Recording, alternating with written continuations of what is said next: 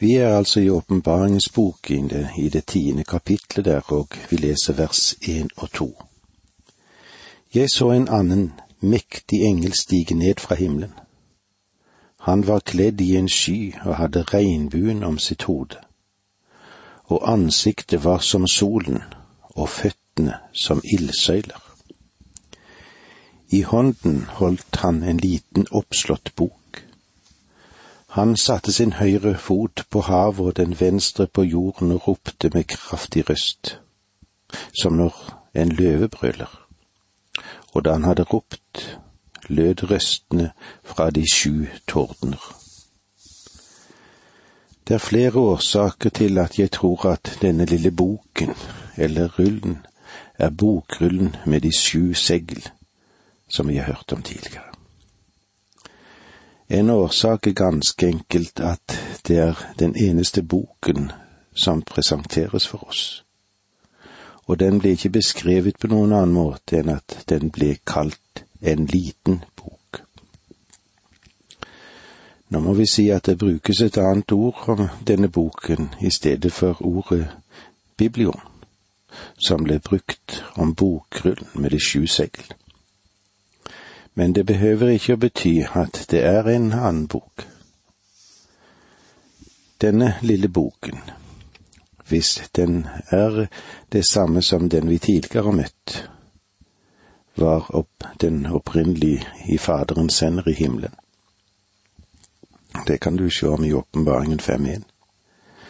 Vi må legge merke til at den først ble overlevert i de naglemerkede hender til Guds sønn. Den ble gitt til den Herre Jesus som var den eneste som kunne åpne den boken. Da de syv segl ble brutt, ble boken åpnet. Og de syv basuner. Av disse har allerede seks lydd. Men fremdeles er det en del til som er i denne boken. Etter at han bryter seilene, overleverer den Herre Jesus Kristus boken i en engels hånd og til sist får Johannes den, og han fortærer den. Dette er boken som inneholder odelsretten til jorden, og den inneholder dommen under den store trengsel, der den Herre Jesus tar all makt. Boken er nå åpen, og dommen er satt i funksjon. Denne boken er engelens autoritet når han gjør krav på både hav og land for Kristus. Han setter den ene foten i havet og den andre på jorden. Begge gjør han krav på, på Guds vegne. I Tredje Mosebok 25-23 ga Herren instrukser til Israel angående det land han hadde gitt dem. Jorden må ikke selges uten rett til innløsning for landet er mitt, og dere er fremmede og gjester hos meg. Det er vel ikke merkelig om du tror at du selv eier en del av jorden hvis du har en eiendom. Du har retten. Du føler at dette er ditt, det er du som eier det. Jeg må si at du har feil for din rett, for uh, denne går ikke så langt tilbake i tid. Men hvem tilhører det så? Vår eiendom tilhører Gud, og uansett hvem du er, så har du ikke betalt ham for den. Jorden er hans og det som fyller den. Det kan du se i Salme 24.1. Gud krever ikke bare landområdene, men havet også som sin eiendom. I Salme åtte, sju til ni leser vi Du gjorde ham til herre over dine henders verk. Alt la det under hans føtter.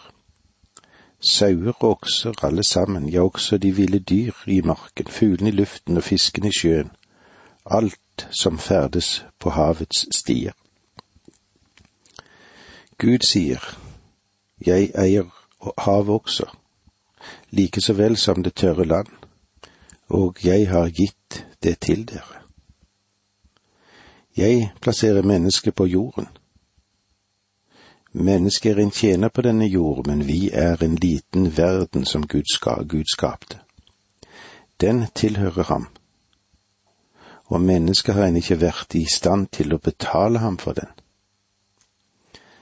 Denne engelen krever nå jorden og havet for den Herre Jesus Kristus. Med odelsretten til jorden i sin hånd og ved å plassere høyre fot i havet og den venstre fot på land, krever denne engelen med høy røst alt for Kristus. Riken i denne verden vil bli den Herre Jesu Kristi kongedømme gjennom dommen. Som skaper og forløser, tilhører verden ham. Denne boken ble beskrevet her som en liten bok, fordi tiden for den store trengsel ikke vil være lang. Vi kan ikke si hvor langt vi er kommet til i dag. Er det halvgått løp? Nei, det får vi ikke vite. Men eh, vi har ikke mye tid tilbake, det vet vi. Og det er ikke mye tid å skrive ned her nå. Og eh, det vil være en liten bok. Og så sies det slik da i Romerbrevet 9,28. Det Herren har sagt, skal han gjøre på jorden. Han begrenser, men fullfører det. Den store trengsel vil vare over på en kort tid. Jesus sa at det var en kort tid. Daniel beskrev den som sju år, som ikke er noe lang tid. De sju tordner er Guds amen til engelens krav, og i Salme 29, 29,3 så står det slik:" Herrens røst lyder over vannet ærens Gud lar tordenen drønne. Og i Jobbs bok 37,5 leser vi slik. Gud gjør under når røsten runger, han gjør storverk som vi ikke fatter. Jødene var vant med å tale om torden som de sju røster.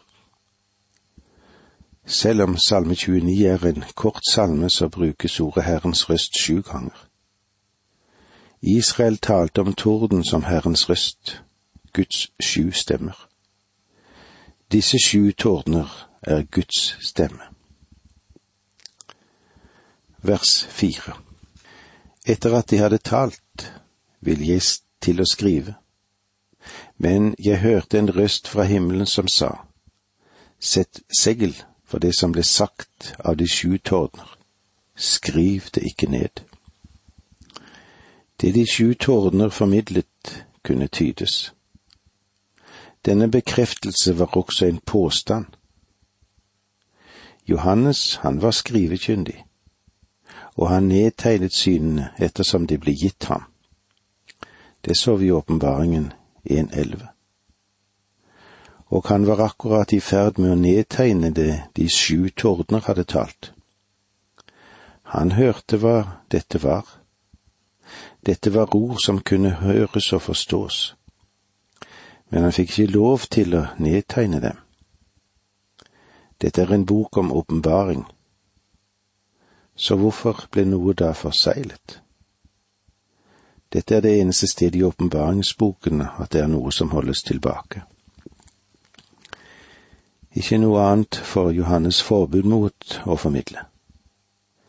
Gud gjør det klart ved slutten av denne boken at han har fortalt alt. Han holder ikke noe tilbake fra mennesket i dag. Og eh, ved slutten så skriver Johannes det slik i Åpenbaring 22.10, og han sa til meg, Sett ikke seil for de profetiske ord i denne boken, for tiden er nær og likevel får Johannes ikke anledning til å skrive ned dette spesielle budskapet. Og det er jo ganske interessant. Om denne engelen var Kristus, ville Johannes antagelig falt ned og tilbedt ham. Det gjorde han da han, hadde han så den herliggjorte Kristus i kapittel 1 i åpenbaringsboken. Om dette var Kristus, hvorfor falt da ikke Johannes ned for hans føtter og tilbe ham? Det gjør han ikke, for det er en engel. Det blir bare gjetninger å tenke på hva denne tordenen talte om. Det har vært mange ville gjetninger når det gjelder dette verset. La meg bare få gi noen små smakebiter. De sju tordner er de sju korstog. Eller dette. Dette er de sju nasjoner som tok imot reformasjonen. Og en annen hadde en oppfatning at disse sju tordner var pavens bannbulle mot Luther. Flere sekter har sin oppfatning av hva som ble sagt, men den Herre Jesus sa til Johannes, forsegl den, skriv ikke dette ned. Og frem til i dag er dette en hemmelighet som du og jeg ikke kjenner noe til. Vi må bare ta dette til oss som det er, og lære en lekse om dette. Selv om han åpenbarer Jesus Kristus her i denne boken, så er det enda mange ting Gud ikke har fortalt oss, og ikke vil fortelle oss før vi er hjemme. Og med disse ordene sier vi takk for nå, må Gud være med deg. Dette undervisningsprogrammet består av to deler. Åge Nevland fortsetter nå med andre del av dagens undervisning. Vi er i Johannes evangeliet i det tiende kapittel og vi ser og har stoppet litt opp for engelen med denne lille boken. Og i vers fem og seks her i kapittel ti så leser vi slik. Og engelen som jeg hadde sett stå på havet og på jorden, løftet sin høyre hånd mot himmelen og sverget ved ham som lever i all evighet. Han som skapte himmel og jord og hav, og alt som er i den Tiden er ute. Denne engelen gjør det klart at han ikke kunne være Kristus siden han avgir ed ved den evige skaper. Om det hadde vært Kristus, så ville han ha sverget ed ved seg selv. Og hebreerbrevets forfatter han sier det slik i det sjette kapitlet. Da Gud ga Abraham løftet, sverget han ved seg selv han hadde jo ingen større å sverge ved. Gud kunne ikke sverge ved noe annet, for det er ikke noen som er større enn Gud. Engelen sverget ved en annen, ikke ved seg selv, fordi han er ikke Gud, og derfor er han ikke den Herre Jesus Kristus. Den Herre Jesus Kristus er evig Gud. I begynnelsen var ordet, ordet var hos Gud, og ordet var Gud.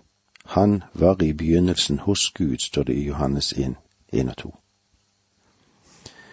Vi har denne uttalelsen fra Jesus selv, for Jesus sa det jo slik i Johannes 8, 58. Jesus sa til dem, Sannelig, sannelig, sannelig, sier jeg dere, før Abraham var, er jeg. Kristus er skaperen. Det ser vi òg i Johannes 1,3. Alle ting er blitt til ved ham, og uten ham er ikke noe blitt til av alt som er til. Og i Kolosserbrevet 1,16 leser vi slik, For i ham er alt blitt skapt, i himmelen og på jorden, det synlige og usynlige de som troner og de som hersker, både makter og myndigheter. Alt er skapt ved ham og til ham. Denne engelen tar en ed ved Kristi navn som er i himmelen, og som Kristi representant krever han alt for Kristus. Engelen sier til de utvalgte at de nå ikke skal dryge så lenge. Han sier til dem, Vær ikke bekymret. Den som holder ut til enden skal bli frelst. Hvorfor? Fordi de er beseglet, og de skal ved det komme gjennom den store trengsel. Dette er likedan et svar som martyrene gir i sin bønn, som vi òg ser i Åpenbaringen 6.10 og er også en fullbyrdelse av det vi kaller for Herrens bønn, komme ditt rike.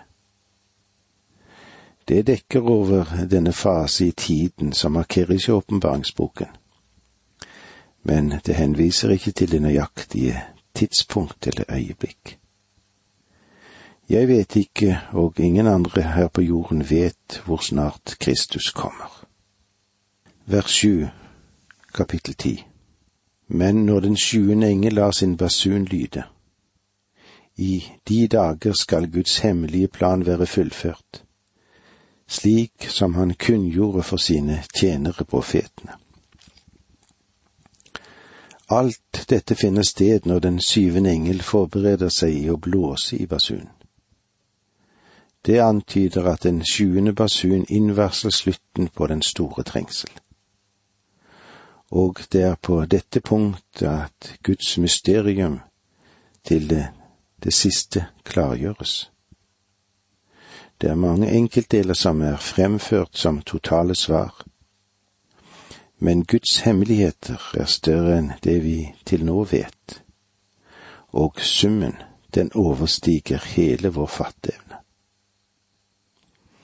Det er mysteriet som er knyttet til Israel, til dommen, til lidelse og urettferdighet.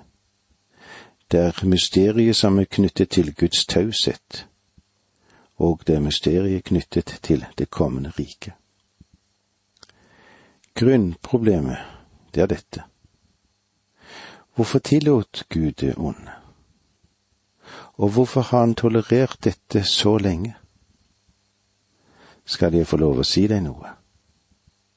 Jeg har studert og virket i Guds rike i mange år, og jeg kjenner ganske mange svar som de klokeste av teologene har gitt oss opp gjennom tidene. Men saken her, at Gud har ikke gitt noe svar ennå. Men det kommer han til å gjøre en dag. Det er så mye jeg ikke kan svare på i dag. Og jeg forskrekkes og overraskes fremdeles av at noen av de som er ute og forkynner Guds ord, synes til å kjenne de meste av svarene, kanskje alle svar. Ærlig talt, ingen har alle svar. Slik som dette verset i Skriften antyder, så er det noe som vi ennå ikke vet noe om i det hele tatt. Noe som er blitt forseglet, og det betyr at Gud har en hel del ennå å fortelle oss. Og når vi kommer for Hans åsyn, så vil vi nok finne noe ut av dette. Får jeg lov til å si dette? Selv om jeg ikke kjenner svaret på dine problemer, så vet jeg at det er én som vet om det. Han vil gi svar når tiden er inne. Jeg har ikke svar på alle mine egne spørsmål engang men jeg har lagt dette i hans hånd. Og han sier til meg, Mitt barn, du får vandre med meg gjennom mørket. Det skal nok gå bra. En dag kommer vi ut i lyset, og da skal du forstå det. Og jeg vil foreslå for deg at du legger din hånd i hans hånd, han som er din skaper og din forløser. Sant menneske og sann Gud. Når vi nå går videre, så ser vi hvordan det er når Johannes eter den lille boken. Vers åtte, kapittel ti. Den røst jeg hadde hørt fra himmelen talte igjen til meg. Gå bort og få den åpne boken av engelens hånd, han som står på havet og på jorden. Ordren kommer fra Kristus i himmelen der han leder de operasjoner som beskrives i åpenbaringsboken. Han har den fulle og hele kommando. Åpenbaringsboken er boken som herliggjør vår vidunderlige frelser. Her har han dommen i sin hånd, og han er dommer over den ganske jord. Og vi ser ham i aksjon som Gud har høyt opphøyet ham i, og gitt han navnet over alle navn. Det ser nå ut som om Johannes har vendt tilbake til jorden i ånden. For den lille boken som tidligere lå i Guds Faderens hender, den overgis nå i Johannes sine hender. Vi leser vers ni og ti. Da gikk jeg bort til engelen og ba ham gi meg den lille boken. Han sa til meg, ta boken og spis den. Den vil kjennes bitter i din mage, men søt som honning i munnen. Så tok jeg den lille boken av engelens hånd og spiste den, og i munnen smakte den søt som honning. Men da jeg hadde svelget den, kjente jeg at det sved i min mage. Johannes blir en deltaker i et gigantisk drama som utfolder seg foran, foran oss. Han blir bedt om å foreta seg noe som synes å være så merkelig. Noe som har en typisk mening. Han spiser den lille boken på engelens befaling. Og resultatet, det er bittersøtt. Det å ete den lille boken betyr å ta imot Guds ord i tro. Dette forteller Guds ord oss. For i Jeremia 15, 16 så står det slik. Jeg fant dine ord og åt dem. De var til glede for meg. Og det var en fryd for mitt hjerte at ditt navn er nevnt for meg, Herre allers Gud. Jeremia sammenligner dette og tilegner seg Guds ord med å ete det. Og Esekiel, han bruker det samme bildet slik som vi kan se det i det tredje kapittelet, de tre første versene der. Han sa til meg, menneske, et det du finner her, et denne bokrullen. Gå så og tal til Israel ett. Jeg åpnet munnen, og han lot meg ete bokrullen. Menneske, sa han, Mett din mage og fyll dine innvoller med denne bokrullen som jeg gir deg. Da åt jeg den, og den smakte søtt som honning. Dette var en av datidens bokruller. Esekiel sa at han åt den, at det var som en kake. Det er det Guds ord er for oss troende. I ordspråkene 1624 står der. Vennlige ord er som dryppende honning, søt for sjelen og sunn for kroppen. Og med disse ordene må vi si takk for nå, må Gud være med deg.